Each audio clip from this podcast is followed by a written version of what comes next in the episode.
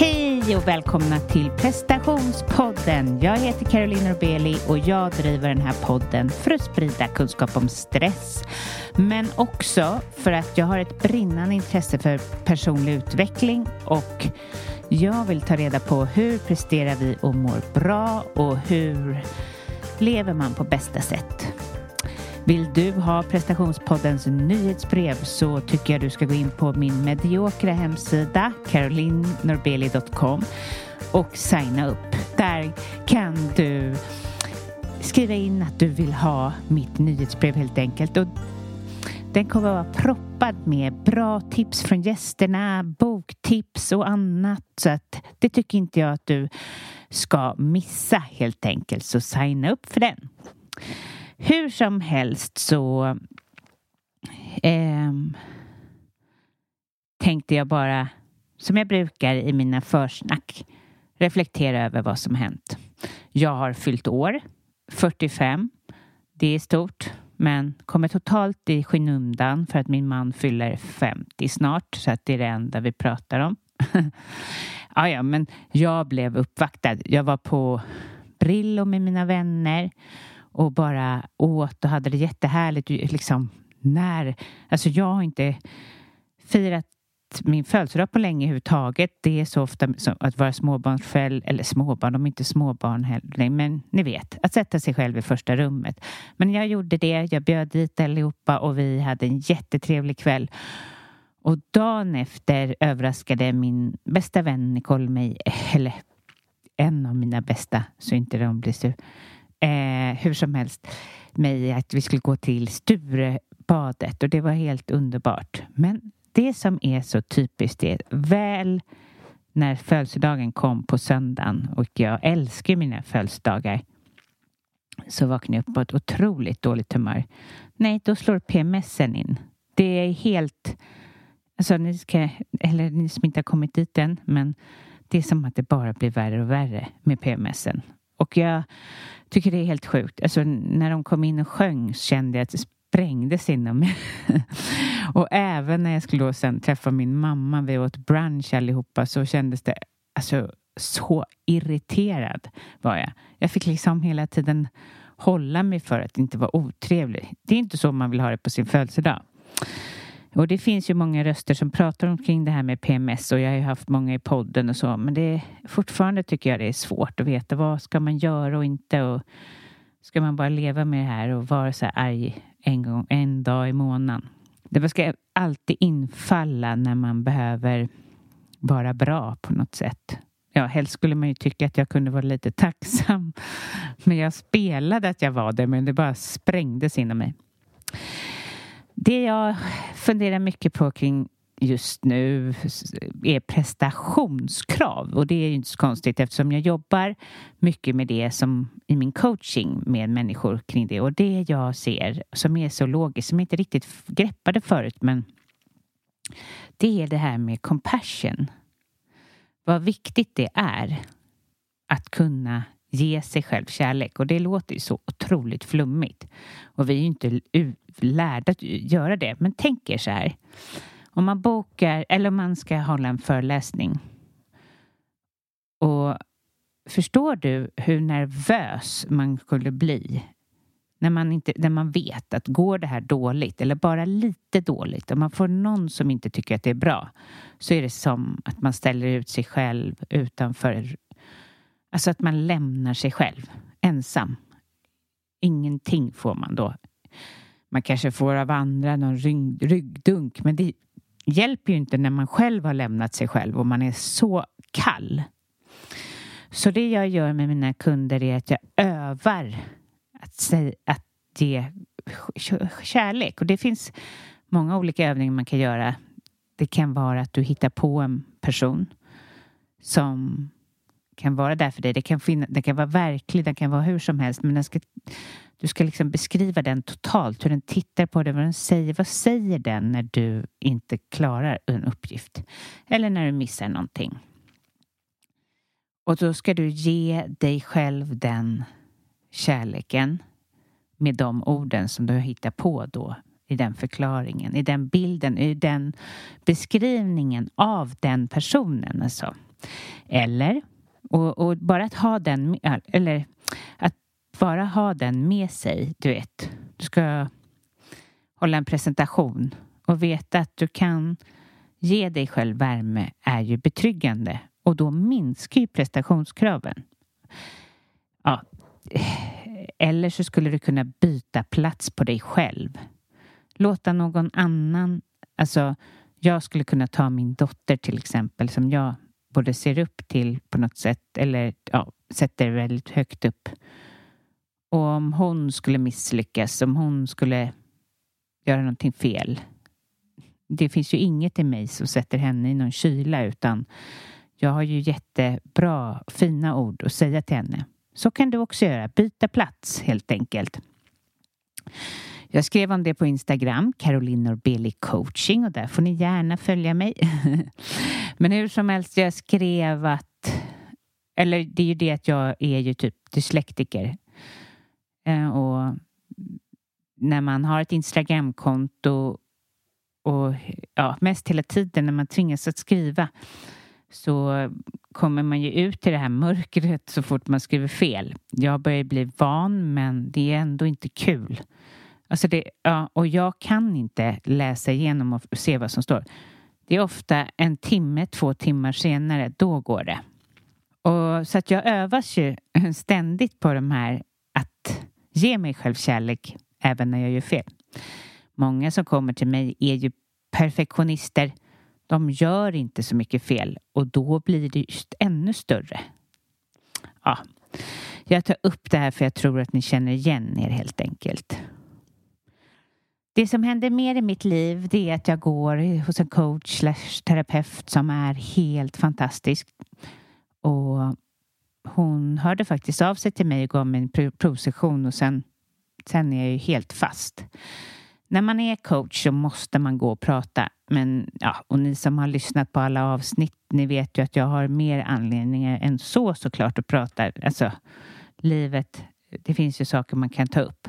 Men det som jag tycker är så coolt som är att i samtalen så är det inte, det är inte så här bara att hon säger ja men du kanske ska ta och gränssätta där eller så som är hjälpsam, mest hjälpsamma.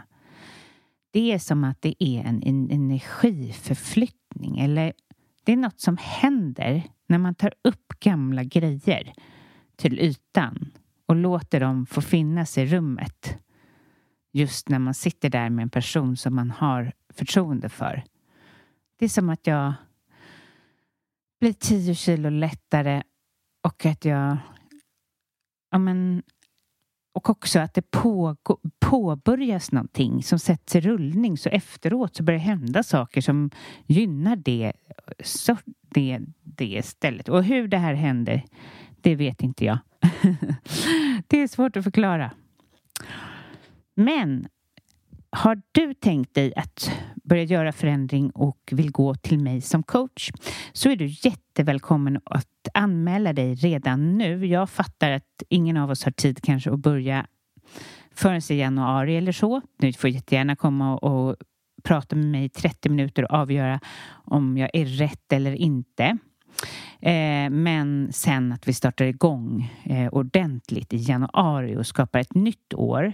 Och det kan vara eh, om du vill börja trivas bättre med ditt liv, trivas bättre med dig själv, bli mer sann, ta bort saker som inte är du, eh, prestera med lätthet och trygghet, eh, minska stressen. Och det här gör vi i fyra steg som är, vi börjar först att eh, identifiera problemet och sen jobba med självläkning på massa olika sätt som kan vara eh, allt ifrån att jobba med rädslor, hinder, eh, gamla tankar. Och för att sedan komma till att finna en acceptans och eh, skapa ett självledarskap som du sen kan ha med dig. Så är du intresserad av det, gå in på carolinorbeli.com.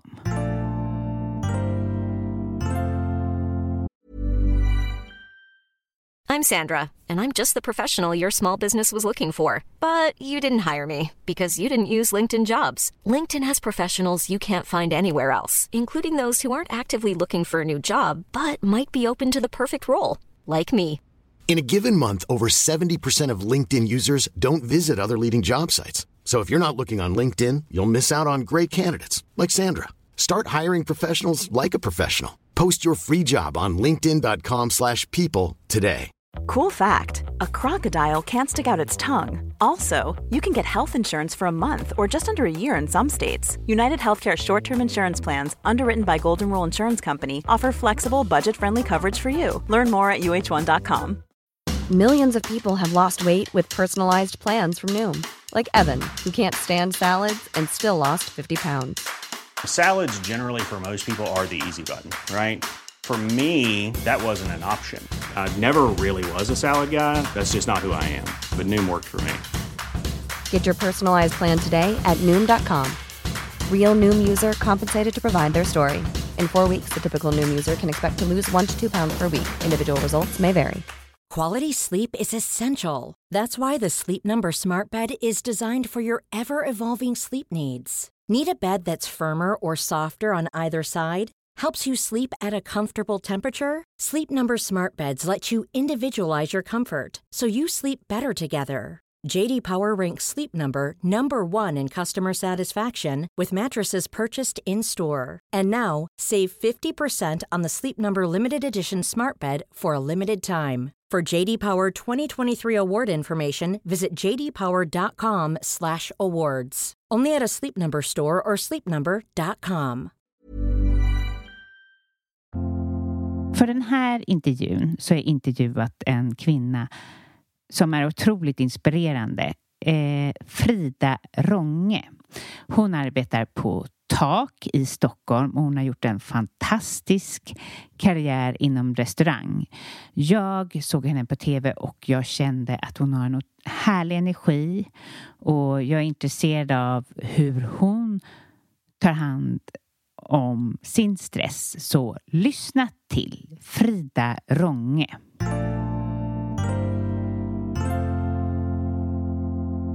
Berätta för lyssnarna som inte vet, vem är du? Mm, jag heter Frida Ronge och är kock. Jag jobbar främst eh, som gastronomisk ledare på en stor restaurang i Stockholm som heter Tak. Eh, men engagerar mig även i hållbarhetsfrågor gällande fisk. Eh, aktuell i ett precis avslutat Kockarnas kamp som bronsmedaljör och kokboksförfattare. Precis. Eh, hur var det för dig att eh, inte vinna? Jag, jag tycker att du utstrålar en del att du är en vinnarskalle. Och även säger det. Ja, uh, exakt. Um, jag, jag har ju avstått ifrån just tävling i matlagning uh, mm. tidigare. Jag har bara tävlat en gång tillsammans med Sajan Isaksson på en en sushi-tävling i London och efter det så kände jag att det här är nog inte riktigt min grej. För jag eh, har svårt med prestationsångest och eh, vill ju som sagt gärna vara liksom bäst och får en väldigt hög stress i situationer då när man ska prestera på tid eller under ja, en ja, regel. Typ. Vidrigt. Ja, ja, fruktansvärt. Men jag tycker liksom att livet generellt handlar om... Det, men det är ju inte så man är i vardagen. Nej. Och då blir det... Jag tycker att det är svårt att prestera när någon har en förväntning precis när någon sätter igång klockan. För det är lite som, när man har sett det där tror man ju att det är lite så du har det på jobbet. Mm -hmm. Alltså, så, ja, alltså, ja. jag förstår ju, men att just själva yrket, mm. finner du mycket prestation i det? Mm, alltså, det är lite annorlunda liksom, på restaurang när det handlar om och liksom jobba i drift. För då vet vi ett klockslag så här, klockan 11.30 när vi öppnar för lunchen, då ska vi vara klara. Och så har du tid på dig att göra din förberedelse dit. Mm. Och likadant mellan liksom lunch och kväll. Och det är klart att man har hittat liksom, under alla de här åren när man har jobbat som kock en, ett sätt att förbereda sig väl inför det. Och det är väl det som är så här, utmaningen varje dag, att göra det lite bättre och vara lite mer förberedd så att arbetet i sig blir lite mer smooth. Eh, men liksom jag har nog ändå... Jag känner inte samma liksom dagliga prestationsångest eh, på mitt jobb längre. Men, men det är liksom bara egentligen kanske två, tre år sedan som, som jag har släppt lite liksom på att så här, jag som privatperson eller jag i min yrkesroll varje dag, vad är, liksom, är det någon skillnad mellan de två? Och vad, hur kan jag liksom ta nytta av båda sakerna? Liksom? Och det här vill jag komma tillbaka till, men jag tänkte först bara backa bandet. Mm. Eh, hur kom du in i... Eh, alltså, hur hittade du matlagningen? Jag tror att det handlar ganska mycket faktiskt om hur jag är uppfostrad. Eh, min pappa kommer från Serbien och eh, mamma och, och pappa har alltid eh, värdesatt eh, maten väldigt mycket hemma hos oss. Och, Vad fint. Ja. Så fint märker man typ själv nu när man är så vuxen och ja, ja. inte hinner eh, liksom, laga mat varje dag. Och så här. Mm. Så de, det, vi hade liksom klockan, mellan klockan fem och klockan sex varje dag så åt vi middag tillsammans. Även om man så här, som tonåring kanske inte tyckte att det var fantastiskt att anpassa sig efter den tiden när man ville sitta på café i stan med sina vänner. Typ. Så, så förstod jag så att mat handlar om någonting liksom gemensamt och ett möte där vi kan liksom, alla kan säga någonting. Mm. Eh, och eh, jag hjälpte till ganska mycket hemma, alltså både för att de behövde avlastning men också för att jag tyckte att det var kul. Mm. Så Eh, Eh, när jag gick i högstadiet så kände jag att jag var liksom mer intresserad och mer vass och duktig på kreativa saker. Typ hemkunskap, syslöjd, träslöjd, alla de grejerna, idrott och så. Där hade jag väldigt lätt att få höga betyg. Och när jag skulle välja gymnasium då så kände jag så här, nu är det nog bäst för mig att välja någonting som känns roligt framför ett strategiskt val. Och då valde jag hotell och restauranglinjen. Då hade jag också jobbat på en folkhögskola lite på helger och så för att få egna cash. Mm. um, och kände liksom att det var en väldigt rolig plats att vara på inne i ett kök. Och det köket drevs också bara av kvinnor. Mm. Så för mig var det så här att åka dit på helgerna var det, eh, det var bara roligt att tjäna pengar. Jag fick lära mig massor. Och de här liksom, tanterna som jobbade där var, berättade jätteroliga historier och så. Så det var en miljö som jag trivdes väldigt bra i. Gud vad härligt. Så när jag liksom valde gymnasiet där och kom in på hotell och restauranglinjen så var de tre åren väldigt smooth för mig. Mm, du kunde allt. Mm, ja. Jag fick väldigt höga betyg. Jag fick massa praktikplatser och stipendium utomlands och insåg att så här, det här yrket är du kan ta med dig det vart som helst. Liksom. Ja. Alla någonstans på hela jordklotet liksom, kommer behöva någon utveckling med mat. Och hur kom det sig att du fick nischen, eller har nischen, eh, alltså asiatisk mm. kontra svenskt? Ja, ah. precis. Um, jag tror egentligen att det handlade från början om att... För när jag tog studenten 2004 så var liksom den franska gastronomin som hetast. Och kanske lite så här, Mattias Dahlgren hade börjat med lite mer spansk gastronomi. Men jag tilltalades liksom aldrig så mycket för det här brioche, anklever, terrine, tunga såser. Eh, och liksom så här, jag, jag tyckte att te det tekniska i det var ganska svårt. Eh, att så här, det handlade om grader och precision. Liksom. Och sen så eh, kände jag att jag liksom, varje gång jag åt någonting som var, för det var väldigt fett liksom mm. så här, uh, eh, tilltalade inte mig alltså smakmässigt 100 procent. Så då fick jag... Eh, vad härligt ändå. När alla, jag tror att många inte funderar över utan är det hett, uh, är det coolt, exakt. så är det bra. Precis, uh. men jag var så här, jag måste liksom så här, älska smaken mm. av det jag gör. Och jag mm. gjorde inte det, varken liksom på vissa grejer men liksom inte generellt. Och då i alla fall så mm. jobbade jag på, han, Mattias Dahlgren hade ett gästspel på Sälens högfjällshotell när jag var mm. där och jobbade. Och eh, vi blev liksom vänner under den tiden. Eh, och han, jag kände ett jättestort så här, stöttning av att han tyckte att det var viktigt att man hittade sin egna väg. Mm. Men där i alla fall så hade de en restaurang som hette Seafood Bar där jag jobbade och det var mitt liksom första möte egentligen mm. med, med um, sushi. Och det är mm. egentligen mer liksom japansk gastronomi som jag har nördat ner mig i och inte liksom Asien generellt utan det jag när jag började jobba där så kände jag att så här, nu har jag hittat helt rätt. Det här har Det är en extrem fräschör i allting. Det är vackert att titta på.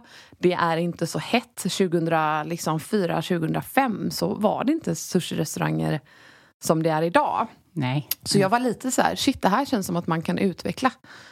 Och min pappa har haft fiskaffär. Just det. Så jag är uppvuxen med mycket fisk och förstår den på ett sätt liksom. Vad härligt det låter. Så ja, alltså verkligen. Att man hittar sin grej. Liksom. För jag kände så här, yrket är 100% men jag har inte hittat så här, vad ska jag bli bäst på. Liksom. Nej. För det var ju det jag kände någonstans. Liksom, att jag ville, så här, jag ville bli duktig på något och hur kan jag stå ut med det? Och det är ju verkligen så man ofta får gå tillbaka till sig själv. Mm. Det går ju inte bara att fånga det någonstans. Man, eller det går, men det är då kanske som man blir Exakt. så där duktig som du är. Ja, det handlar ju om passionen. För att i passionen så ligger, eller för mig har det varit så liksom, att har jag varit passionerad inom någonting så har jag också fått en drivkraft. Och det kände jag också väldigt liksom, tydligt i att så här, varför måste vi bara göra på ett sätt som man gör i Japan? För vi gör ju inte exakt som vi gör i Frankrike eller i Spanien på det vi gör här. Nej. Eh, så jag har ju sett alla liksom, stora kockar som förebilder men försökt att hitta min egna stil i det liksom, jag gör. Så sen dess egentligen så har jag liksom fokuserat på nordiska råvaror, huvudråvaror som fisk och grönsaker och så i säsong. Mm. Men japanska tekniker och ja, influenser.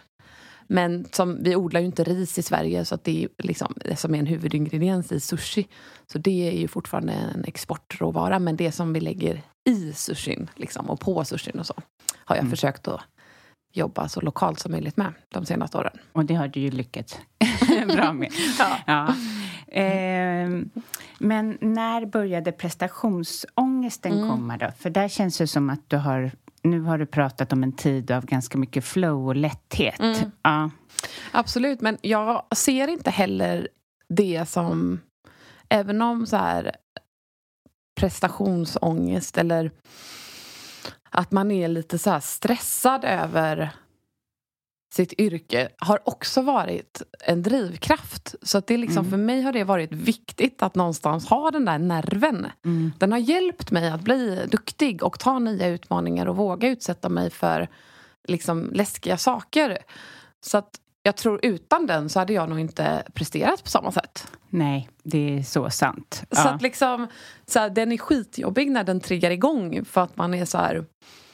Liksom, det är ingen härlig känsla i kroppen men när du då har utfört någonting och haft det så är du så här... Du, du blir ju, ja, det blir en kick på något sätt som är... Och just det här kopplat till, till tävling som då är typ Kockarnas kamp eller i Årets kock eller någonting sånt. Då har inte jag känt egentligen att det har liksom så här, varit värt det för att eh, det handlar bara om liksom en prestation inom en tid på en dag. Liksom. Mm. Det, som, det har liksom räckt med det som har varit i vardagen med att vara ansvarig för stora restauranger och vara ambassadör för hållbart fiske. Alla de grejerna har känts väldigt mycket viktigare för mig att ta ansvar för. Så jag har liksom inte känt att jag har haft den tiden och så här, då är inte prestationsångesten värd. Nej. Liksom. Men nu så, eh, just med Kockarnas kamp då, så har jag ju sagt nej i typ sju säsonger tidigare. Mm, jag har sett det. Så Ja. att eh, nu tänkte jag så här, min- en av mina bästa kompisar Tia hade också blivit tillfrågad och skulle vara med. Plus att covid liksom, och corona har ju varit ett Ja. astufft år. Shit. Mm, Och eh, man har bara jobbat typ med lösningsorienterade situationer hela tiden. Och, och jag kände när jag fick till, liksom blev tillfrågad igen att så här, men detta kanske kan vara en utveckling för mig själv. Mm. Att så här, hänga där på Österlen med några kompisar och försöka vinna den här tävlingen. eh, och liksom är lite strategiskt också. Typ att så här, det Synas också. Precis, att så här, Mm. det, vi, det är en bra spridning på det programmet. Liksom. Och nu är jag också mycket mer trygg som person än vad jag var för fem år sedan. Och det är ju väldigt... Ni blir ju bra porträtterade. Mm. Alltså det är ju en trevlig produktion. Exakt. Så. Ja. Och det är ju det man har känt en jättestor trygghet i liksom, Ja. TV4 och Meter som är ansvariga för produktionen. Att så här, de vill ju att det här ska vara ett härligt program. Precis. Men det är ju allvar. Liksom. Det var ju några tävlingar som det gick riktigt åt helvete för mig. Liksom, där jag kände att så här, okej, nu tar liksom, prestationen över vad jag, för att jag blir lock, liksom, låst och blockad. Eh, och då har jag svårt att liksom så här, vad ska jag, hur ska jag liksom komma över den här trappan till nästa steg och så. Men jag var också förberedd och hade förberett jätte, jättemycket, framförallt mentalt och eh, fysiskt eh, med en personlig tränare i våras. Mm. För att så här, distansera mig till att så här, det här är min kropp och min själ och den jag är och jag ska gå in och göra någonting som är som inte behöver vara, liksom, det är inte fel på mig om det går åt helvete. Nej. Och det är de där grejerna som jag har haft svårt att så här, separera lite. Ja, när det då det har gått dåligt. Liksom. flesta av oss. Mm. Ja. Men då hjälper typ fysisk träning, yoga, en personlig tränare som hjälper dig med din kropp och ditt psyke att ta, ta sig liksom, vidare och bygga ett självförtroende och en självkänsla. Liksom. Så jag kände mig liksom i toppform rent mentalt när jag gick, åkte ner dit. Eh, och sen inte riktigt samma form när jag åkte hem. Men, men utan det. Alltså så här, jag har lärt mig hur ska jag bygga upp mig själv inför olika prestationer. Precis, och det handlar också som... Jag, jag jobbar som coach, eh, mm. så det handlar också som att, eh, att... Hur tar jag hand om mig efteråt? Mm. För att man faller. Mm. Det är ganska mänskligt att falla och, och koppla ihop sig själv och, och liksom det där du beskriver att mm. man inte vet, är det, det är jag som är helt urusel. Mm. Man kan inte se proportionerna. Mm. Liksom vad man ger till sig själv, för man, då är det så lätt att bara liksom vara så här mörk. Exakt. Ja. Och liksom, man är bara som en våt fläck. Precis. Ja. Och det är liksom det som jag inte har rätt ut tidigare. Nej. Och då inte tyckt heller att det har varit värt det. Liksom. Men jag är jätteglad att jag var med och jag trodde jag skulle åka ut först och jag blev, tog brons. Liksom. Ja. Så, så, att, ja, det... så att liksom, eh, där blir det ju också så här, shit, jag klarade det. Okej, vad är nästa grej? Alltså, ja. Så fortsätter jag liksom att hitta triggers. Liksom.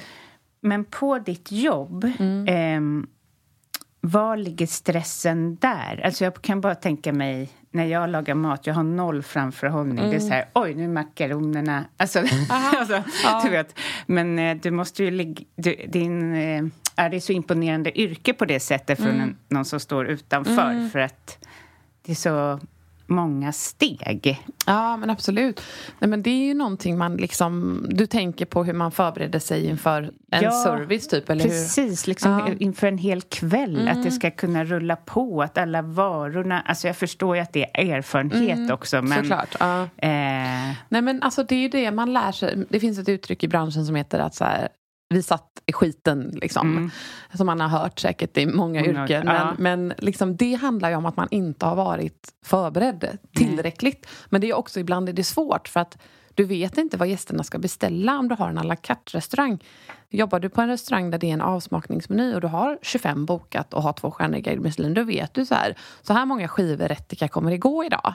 Mm. På en stor restaurang som jag driver som har 160 platser i en av matsalarna och alla Tack. kommer och får en meny framför sig. Hur vet vi hur många som kommer beställa våran japanska toskagen eller inte?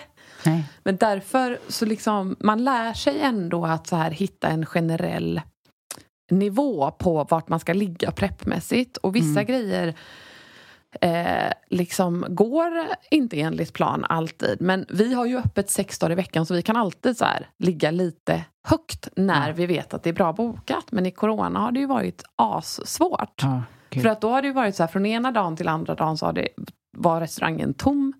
Och sen kunde det vara jättemycket en fredag. Så allting som, som sades på nyheterna kändes det som att vi kunde säga okej okay, nu har de sagt detta i morse, så här, vi måste förbereda oss jättemycket nu. Mm.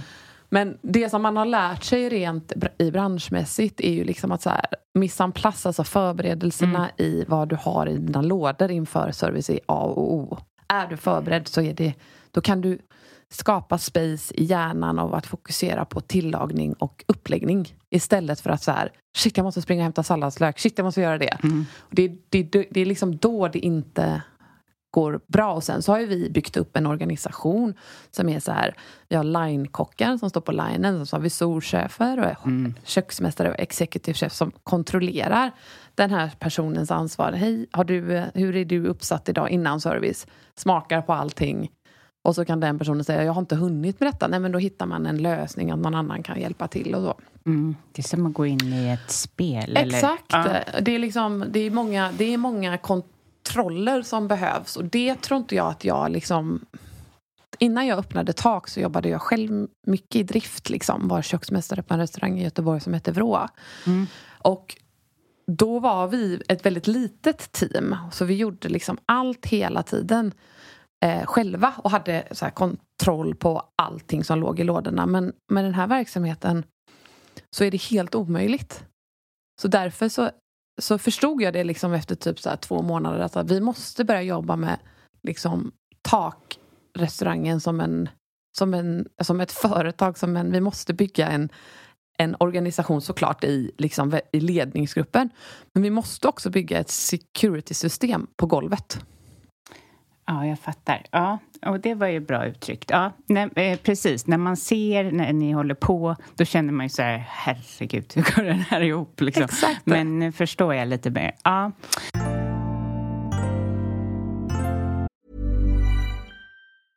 When you're ready to pop the question, the last thing you want to do is second guess the ring. At Bluenile.com, you can design a one-of-a-kind ring with the ease and convenience of shopping online. Choose your diamond and setting. When you find the one, you'll get it delivered right to your door. Go to Bluenile.com and use promo code LISTEN to get $50 off your purchase of $500 or more. That's code LISTEN at Bluenile.com for $50 off your purchase. Bluenile.com code LISTEN. Everyone knows therapy is great for solving problems, but getting therapy has its own problems too, like finding the right therapist, fitting into their schedule, and of course, the cost. Well, BetterHelp can solve those problems. It's totally online and built around your schedule. It's surprisingly affordable too. Connect with a credentialed therapist by phone, video, or online chat, all from the comfort of your home. Visit betterhelp.com to learn more and save 10% on your first month. That's BetterHelp, H E L P. I'm Sandra, and I'm just the professional your small business was looking for. But you didn't hire me because you didn't use LinkedIn jobs. LinkedIn has professionals you can't find anywhere else, including those who aren't actively looking for a new job but might be open to the perfect role, like me. In a given month, over 70% of LinkedIn users don't visit other leading job sites. So if you're not looking on LinkedIn, you'll miss out on great candidates like Sandra. Start hiring professionals like a professional. Post your free job on linkedin.com/people today. Hur har det varit att vara kvinna i den här branschen? Som, det är ju helt sjukt att det är en mansbransch när Mm. vi har lagat mat i generationer. Liksom. Exakt. Ja. Och framförallt så här hur jag mötte eh, branschen där på Wendelsbergs folkhögskola där jag började jobba som, när jag gick på högstadiet. Som, det köket var ju bara med Mm. liksom, kvinnor.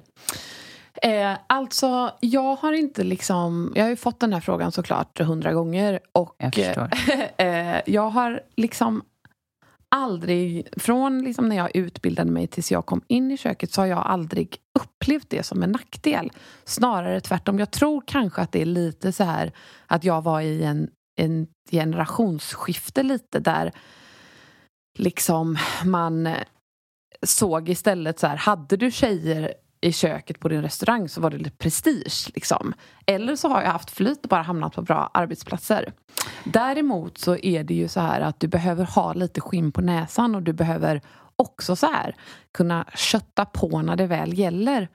Och kan du inte det, oavsett kön, så blir du liksom utsatt. Mm. Eh, Du blir det för att du inte du sitter då i, i skiten. Ja. Eller liksom så här. Och där tror jag, alltså så här, kvinnor och män, vi är ju mer emotionella i många, syf- liksom i Mm. många situationer. Så, så, så jag tror att det handlar väldigt mycket om din egna personlighet. Och jag förstod så här, det, man behöver liksom kavla upp och markera, skaffa dig din pondus så att ingen liksom sätter sig på dig. Mm. Och jag, men jag, liksom, så att jag... Jag Mm. har intervjuat en kvinna eh, tidigare här eh, som jobbar i, i branschen och hon beskrev att hon, men det var av olika anledningar, men att hon blev väldigt hård. Mm. Att hon var tvungen att bli det. Eh, Precis. Um, jag, jag tänker att eh, jag skulle kunna liksom känna igen mig i det. Men det, jag tror att jag hade haft samma inställning till vilket yrke ja.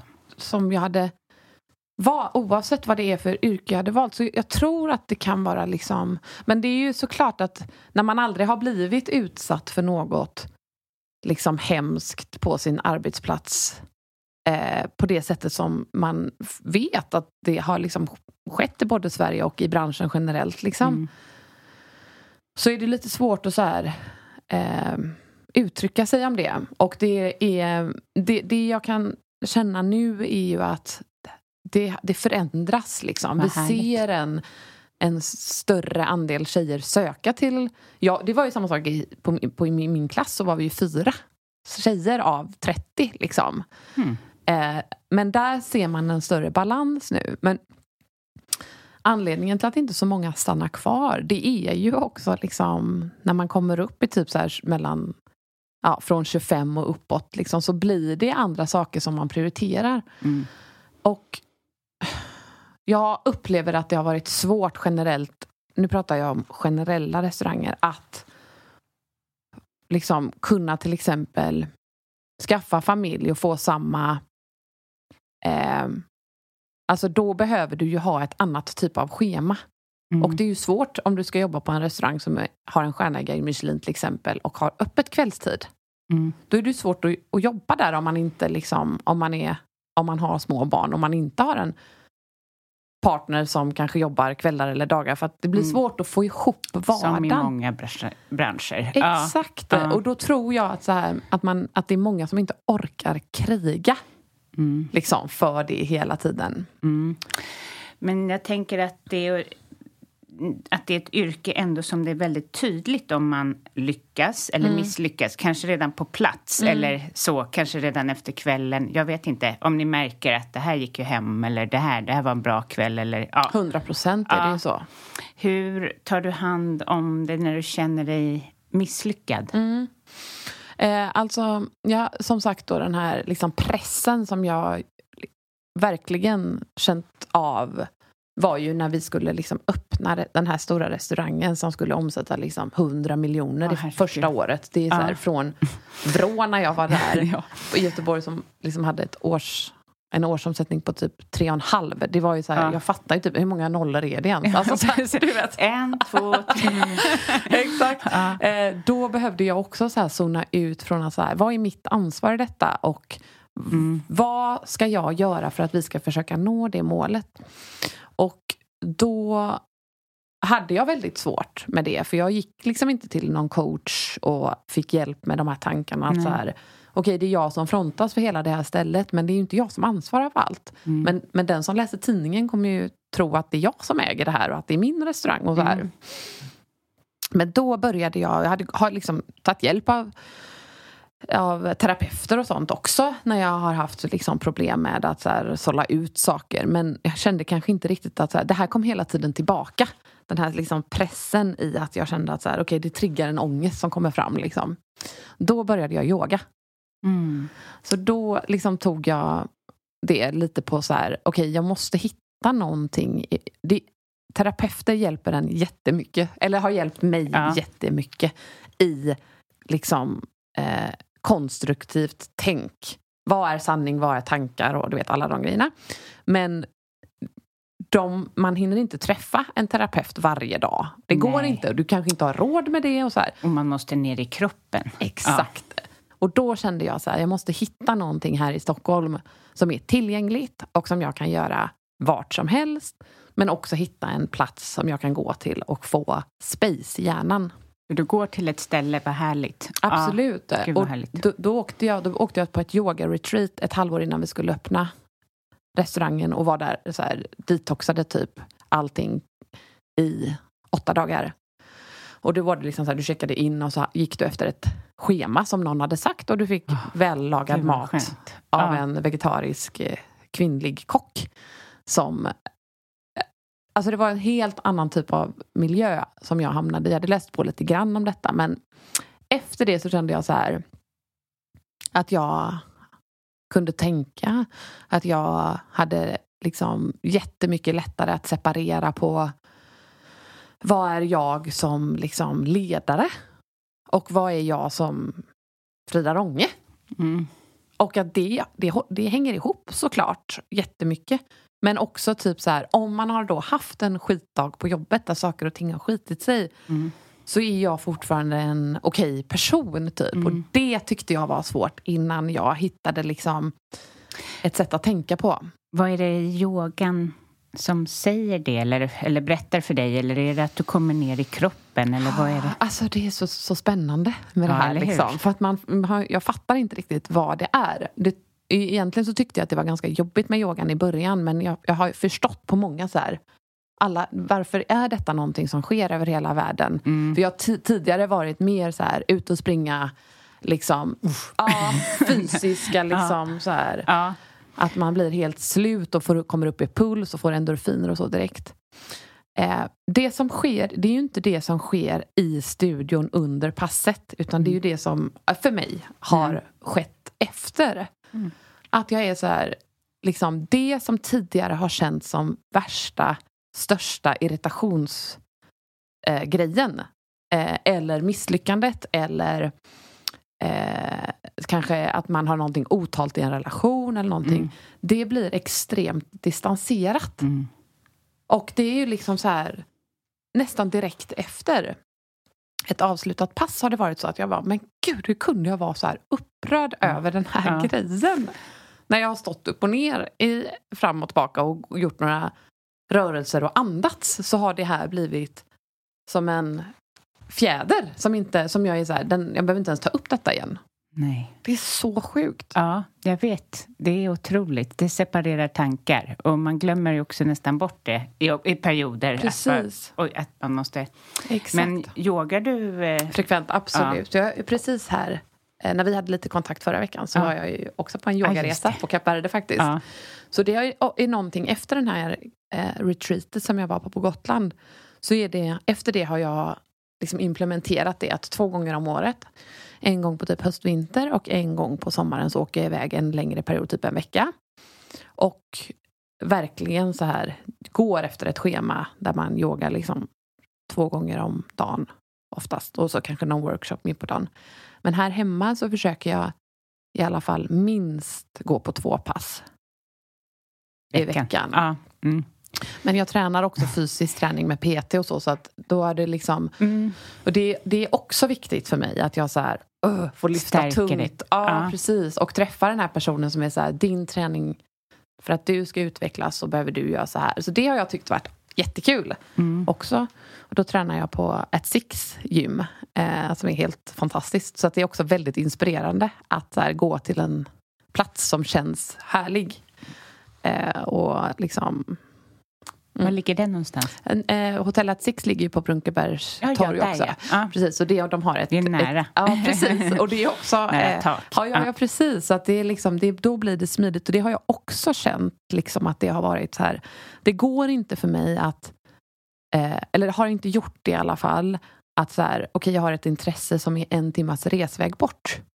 Nej. Utan för mig har det varit viktigt när jag jobbar så här mycket och har så mycket coola och roliga grejer för, liksom, i mitt yrke. Så har det ju behövt hitta så här, okej, jag måste hitta tidseffektivitet. Och då är ju yogan är ju helt magisk där för att du kan ju göra det vart som helst. Har du testat restorative? Ja, absolut. Det är också helt fantastiskt alltså. Det är helt underbart Mm. att bara ligga där. Och det väcker ju även känslor, tycker Mm, jag. Jag har inte gjort absolut. det så många gånger som man skulle kunna tro. Jag har även gått en uh, yogautbildning Ah, och så. okej. Men eh, ja, livet är ju sådär. Man ska få plats Ja. med både hård träning, Träning. Ja, alltså Ja, att alla precis. delar. Ja. Men det, är liksom, det har verkligen varit nyckeln till att jag så här härligt. också typ så här hur jag kanske tidigare såg på liksom olika situationer och människor, saker jag själv har irriterat mig över eller hur någon har betett sig eller så här. Mm. Så är jag mycket mer så här att jag så här accepterar det. I att så här, men det är den personen som vill göra på det sättet och det är fine. Jag, liksom, jag kommer inte göra så men jag blir heller inte stött av det. Nej. Och det, där kunde jag känna jättemycket så här eh, att jag skulle fightas mot det hela tiden förut. Och det är en så jättebra skönt. påminnelse. Ja, precis. Man, man får ju mycket mer liksom space för saker som är positiva då. Verkligen. Ja, det är fantastiskt faktiskt. Och det är så coolt också att, tänka på att alltså för 5000 år sedan så satt rikaste personer i världen och gjorde precis det här. Mm. Och de hade också våra 10 000 tankar, eller Mm. vad är det, 65 000 tankar. Och, liksom, och de var negativa. Och man Mm. bara tänkte så här, men vad gud, de hade inga mobiler. De hade, vad var deras grej? Ja. Men de, och de yogade kontinuerligt. Ja, men så Ja. himla... Jag fått ett Fascin- gåshud när vi pratar om det. För det, har, det har verkligen varit så här, nyckeln till Ja, nya utmaningar. Och det Ja. hjälper mig så mycket mer att känna mig så här stark och jobba för förändring och framtid och hållbarhet. Och, Precis, och du jobbar ju för hå- hållbart fiske. Mm. Ja. Precis, så det finns ju lite olika typer av det. Men jag har främst engagerat mig i eh, MSC som då är en det är Marine Stewardship Council heter organisationen. Det är en glo- global organisation som jobbar med att eh, liksom stärka och be- bevara våra fiskebestånd på vild fisk. Mm.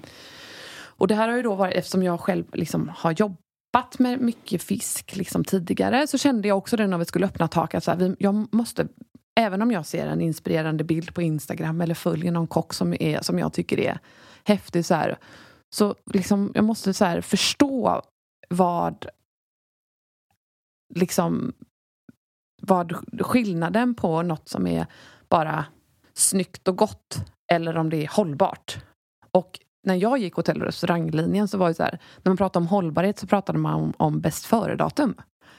Men det var inte så här råvaror eller djur eller ekologiska grejer. Och det här är ju det är inte jättelänge sedan jag tog studenten ändå. Men då kände jag också så här, gud jag måste ta eget ansvar för detta för att det känns inte som att när, någon, när jag frågar någon så vet inte folk eller kockar eller branschkollegor någonting om detta.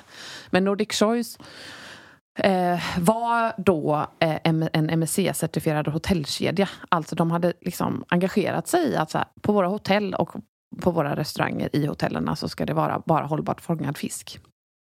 Så jag kontaktade MSC då och var så här, vad betyder detta egentligen och hur jobbar ni och vad är det rätt att äta allt som är bara för att det är lokala grejer?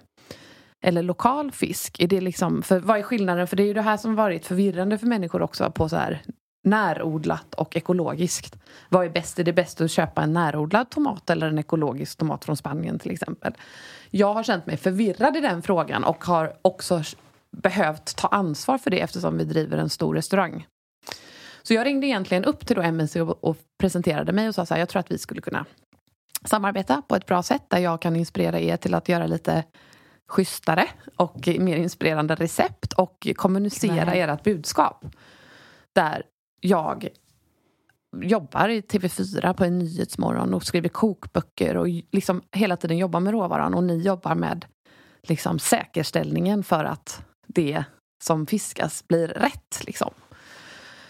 Så vi inledde ett samarbete 2015 typ och, och då har jag liksom ehm, får, jag får olika tasks av dem. Så här, nu ska vi göra en kampanj om den här produkten. Kan du eh, göra fem recept för det? Då blir det liksom ett tydligt liksom, arbete där jag ska Mm. ta fram recept på det. Mm. Men det handlar ju också om, det jag engagerar mig mer i är ju att förstå så här, vad är ett fiskebestånd och är det bra, är det bättre för oss här i Sverige att köpa ifrån det fiskebeståndet nu än detta? Och liksom här som kanske är då Mm. lokalt eller så.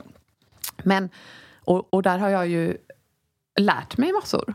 Så jag har ju tyckt att det har varit roligt och liksom utvecklande för mig som kock. Verkligen. Och det har också gett ringar på vattnet. Jag blev tillfrågad att sitta med i miljömålsberedningen som jobbar på uppdrag av regeringskansliet för havsfrågor och hur vi ska liksom tänka på havet och vad som går att äta under ytan och varför äter vi inte allt som går att äta under ytan och så. Ja, verk- vad spännande. Har din yogapraktik fört dig lite in på det här? För jag upplever själv Mm. att man blir... Man får ju ett hållbart tänk Mm. av yogan. Mm. Alltså eftersom den är hållbar för en själv. Mm, Ja. Precis. Mm, ja... Jag vet inte faktiskt om det har just med liksom yogan att göra. Det har nog mer kommit ifrån att så här, jag vill känna mig safe på att det vi gör är rätt. Så att Jag ingen fattar. kan så här, trycka på Ja. att så här, varför gör ni så här och så har inte jag koll på det. Mm. Så där tror jag det handlar om så här, kontrollbehov och prestation igen. Jaha, du vet. Det är bra. Då ledde det till något bra då. Exakt, Ja. och det är, ju, det är ju det. Men jag är, hell- jag är heller inte rädd för att fråga om hjälp. Det är många som är det. Och det har varit lite prestige tror jag i branschen tidigare. Att så här, man inte liksom frågar producenter och bönder och folk som kan forskare om saker. För nu, nu är det ju också så här att är du typ kock idag så, så ska du veta allting om dina råvaror. Så var det ju inte för 15 år sedan heller. Nej. Då handlade det ju om att du gick på restaurang och så åt du något gott och så åkte du hem.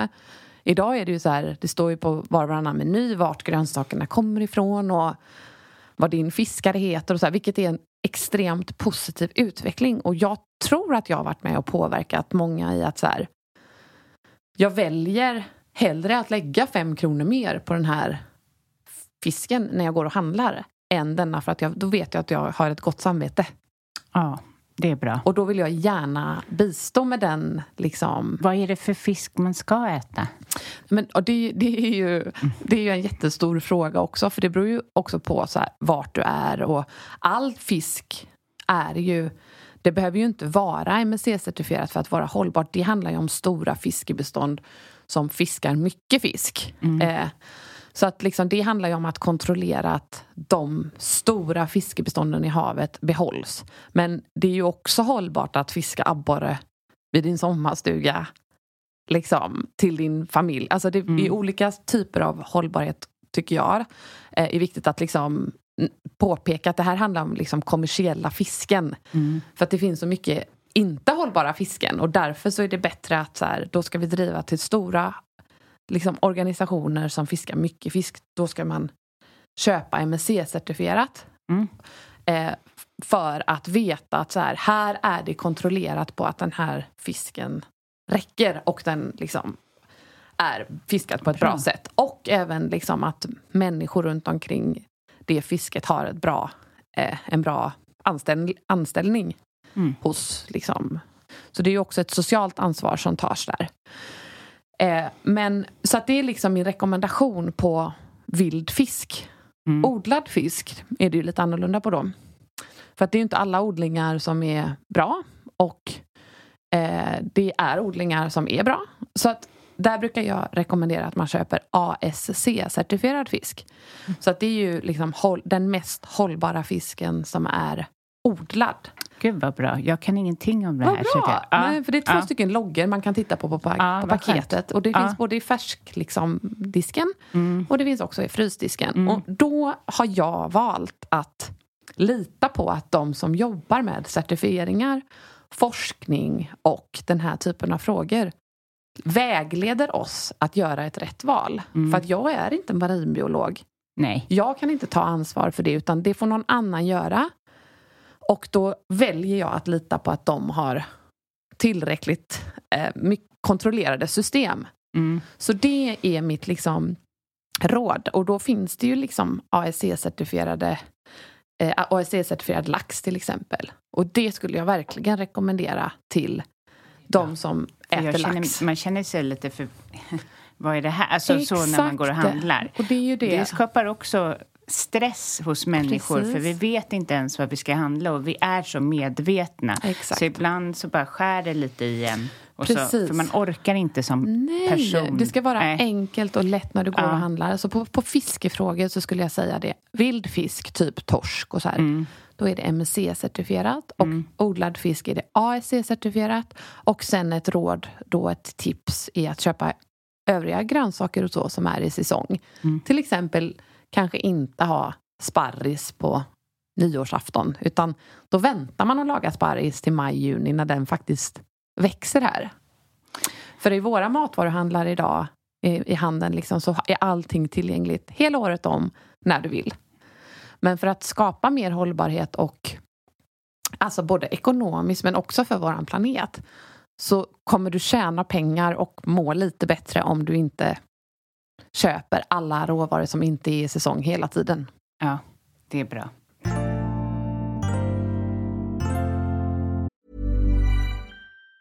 Planning for your next trip? Elevate your travel style with Quince. Quince has all the jet setting essentials you'll want for your next getaway, like European linen, premium luggage options, buttery soft Italian leather bags, and so much more. And it's all priced at 50 to 80% less than similar brands. Plus, Quince only works with factories that use safe and ethical manufacturing practices. Pack your bags with high-quality essentials you'll be wearing for vacations to come with Quince. Go to quince.com slash trip for free shipping and 365-day returns. Mom deserves the best, and there's no better place to shop for Mother's Day than Whole Foods Market. They're your destination for unbeatable savings, from premium gifts to show-stopping flowers and irresistible desserts. Start by saving 33% with Prime on all body care and candles. Then get a 15-stem bunch of tulips for just $9.99 each with Prime. Round out Mom's menu with festive rosé, irresistible berry chantilly cake, and more special treats. Come celebrate Mother's Day at Whole Foods Market. Imagine the softest sheets you've ever felt. Now imagine them getting even softer over time. That's what you'll feel with Bowl and Branch's organic cotton sheets. In a recent customer survey, 96% replied that Bowl and Branch sheets get softer with every wash. Start getting your best night's sleep in these sheets that get softer and softer for years to come. Try their sheets with a 30-night guarantee. Plus, get 15% off your first order at bowlandbranch.com. Code BUTTERY. Exclusions apply. See site for details. Men jag tänker din pappa som är fiskhandlare, han måste ju vara väldigt stolt. Mm, det är han verkligen.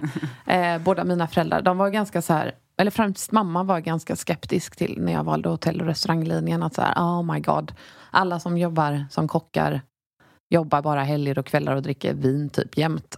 Så ja, men, var stressad. Ja. Ja. Men jag menar yrket idag och vad de ser hur jag jobbar liksom, med mat och restaurang och olika typer av liksom, hur jag är engagerad i olika frågor runt omkring mat. Det, det, det, hade de ju inte förstått någonting. Inte jag heller kanske. Nej. Nej. Då. Så att de är ju superstolta och jag är jättetacksam att, att jag har blivit uppfostrad med liksom, regler och bra mat hemma. För att det har ju, ju gjort att jag har kunnat skaffa mig en karriär.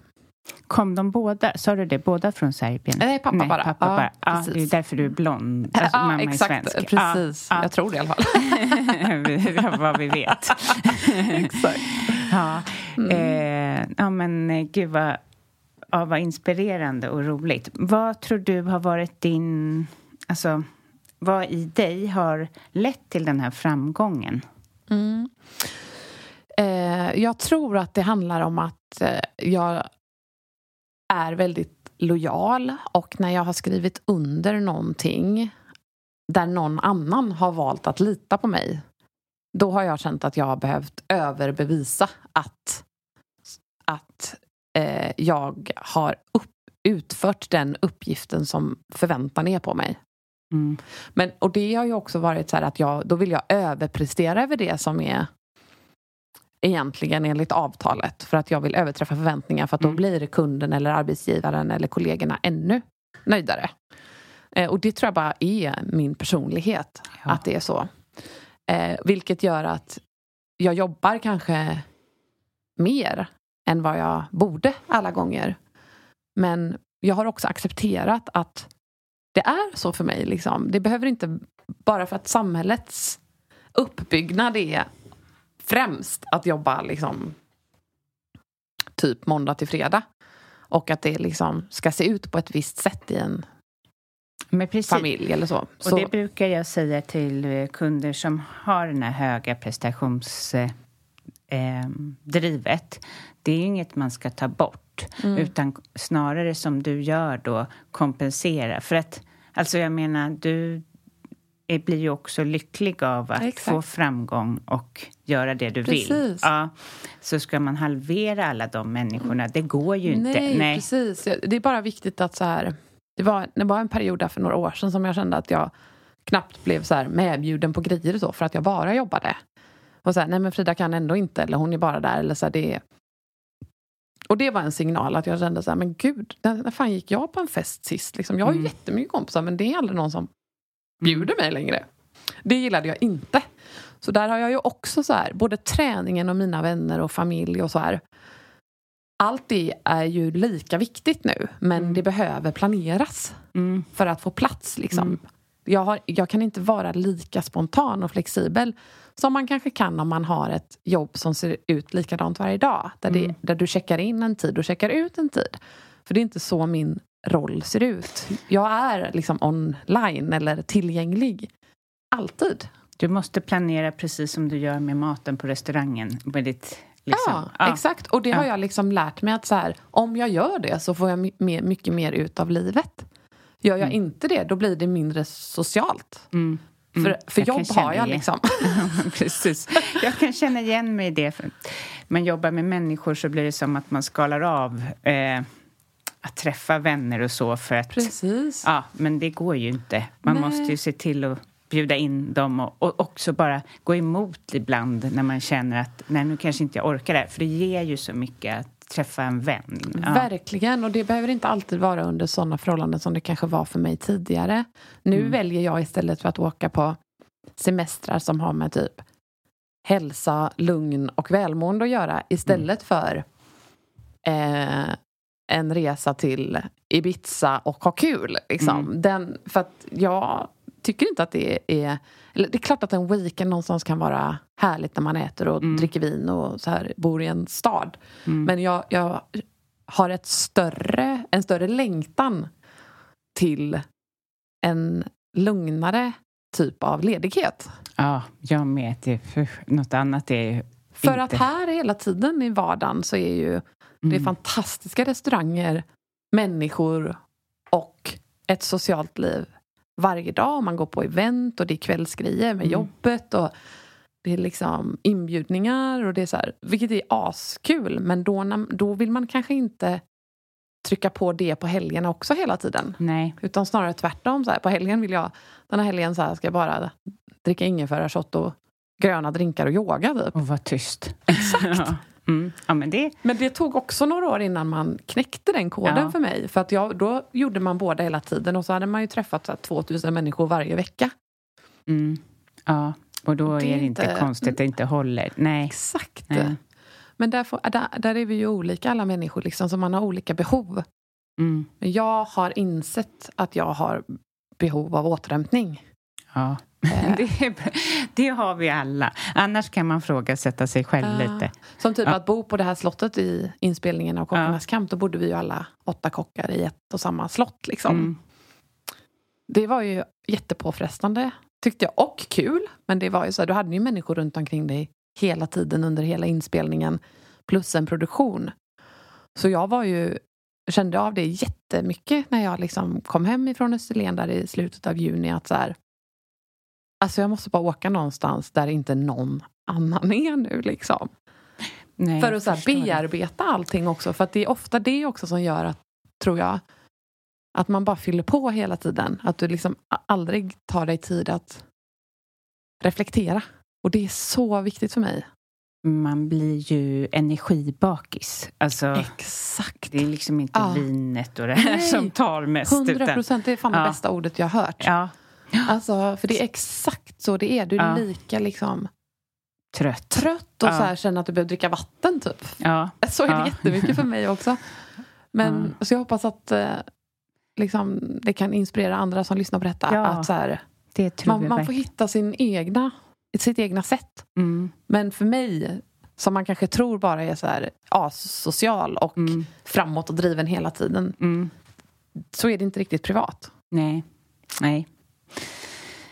Tack snälla. Eh, så intressant att höra. Och eh, ja, när jag såg dig där på tv kände jag bara så här, hmm, hon har verkligen eh, för första jättehärlig energi, men Mm. också något att berätta i podden. Mm. Tack snälla för inbjudan. Ja, tack. Tack så mycket. Tack snälla ni som lyssnar. Det, det är, det- jag är så tacksam för det. Och jag skulle behöva att ni lämnar en recension där ni lyssnar. Vad tycker ni om de här avsnitten?